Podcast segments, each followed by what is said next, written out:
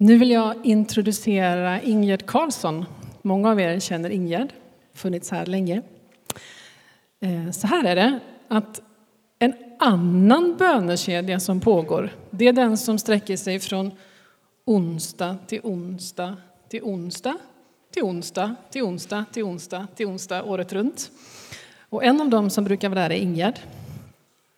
Jag är så varm så det immar igen. Eh, och härom veckan så var det Ingegärd som höll i bönen och gav blandning mellan en kort predikan och ett vittnesbörd. Och det är jag som har bett Ingegärd att göra en repris. Så det är inte hon själv som gör en repris, utan det är jag som har bett om det. För jag blev så välsignad och tänker att det var till många fler. Varsågod.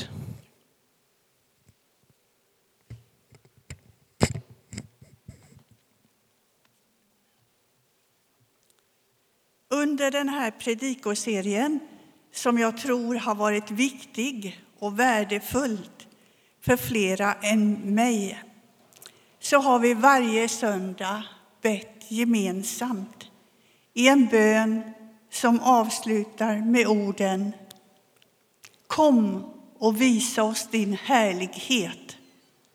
Vi längtar efter mer av dig.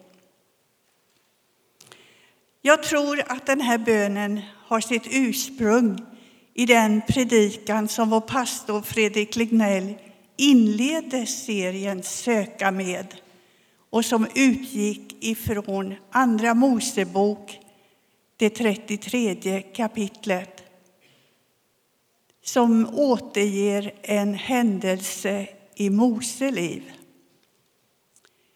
Vi som var med på gudstjänsten vi minns att Mose hade fått ett fantastiskt bönesvar. Men han var inte nöjd. Han ville ha mer.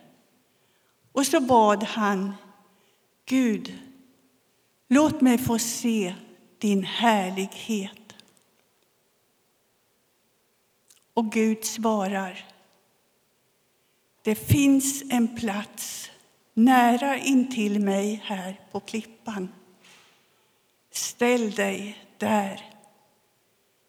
Och när min härlighet går förbi dig ska jag ställa dig i bergets klyfta, bergets reva. Att Gud kallas för klippa, det visste jag. Men att den här gamla testamentliga texten också var en bild av Jesus, det var nytt för mig. Även om jag många gånger har sjungit den gamla sången Klippa du som brast för mig. Låt mig gömma mig i dig.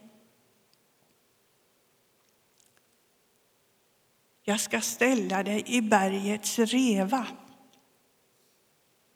En oerhört vacker bild.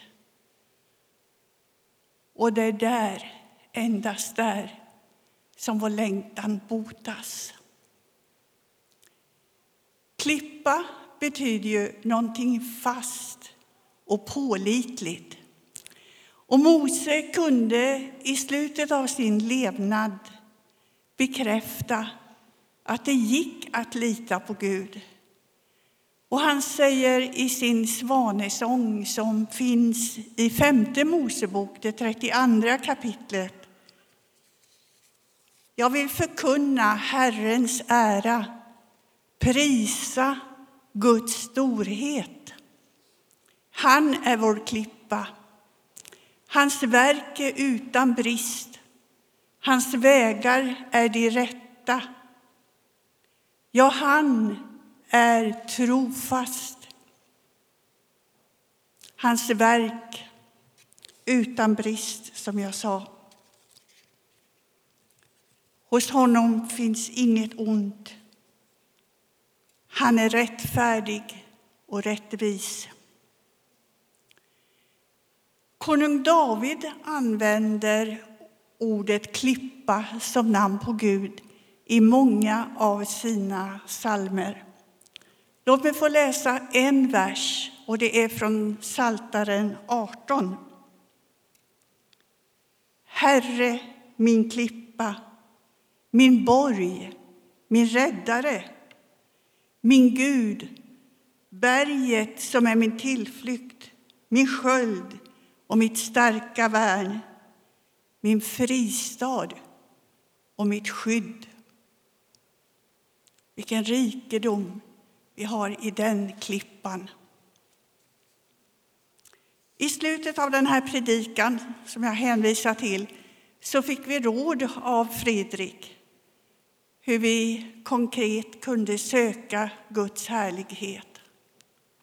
Och förutom bön och att läsa Bibeln bedjande för att lära känna honom som är textens kärna så fick vi rådet att välja en egenskap hos Gud och leva med den så länge det kändes bra. Och av alla Guds egenskaper som allsmäktig, allvetande, allestädes närvarande, nådig och barmhärtig, helig, rättfärdig och så vidare så valde jag trofast. I Nordstedts svenska ordbok så står det att trofast betyder något eller någon som man helt säkert kan lita på. Och det blir ju synonymt med klippa. När Gud säger jag är trofast så säger han du kan lita på mig. Och så svarar vi i lovsången på, min, på dig, min Gud, förtröstar jag. Det vill säga, litar jag på när oro skymmer min morgondag. Ty jag vet, du är trofast emot mig. Och lite längre fram i sången. Du står fast vid ditt förbund.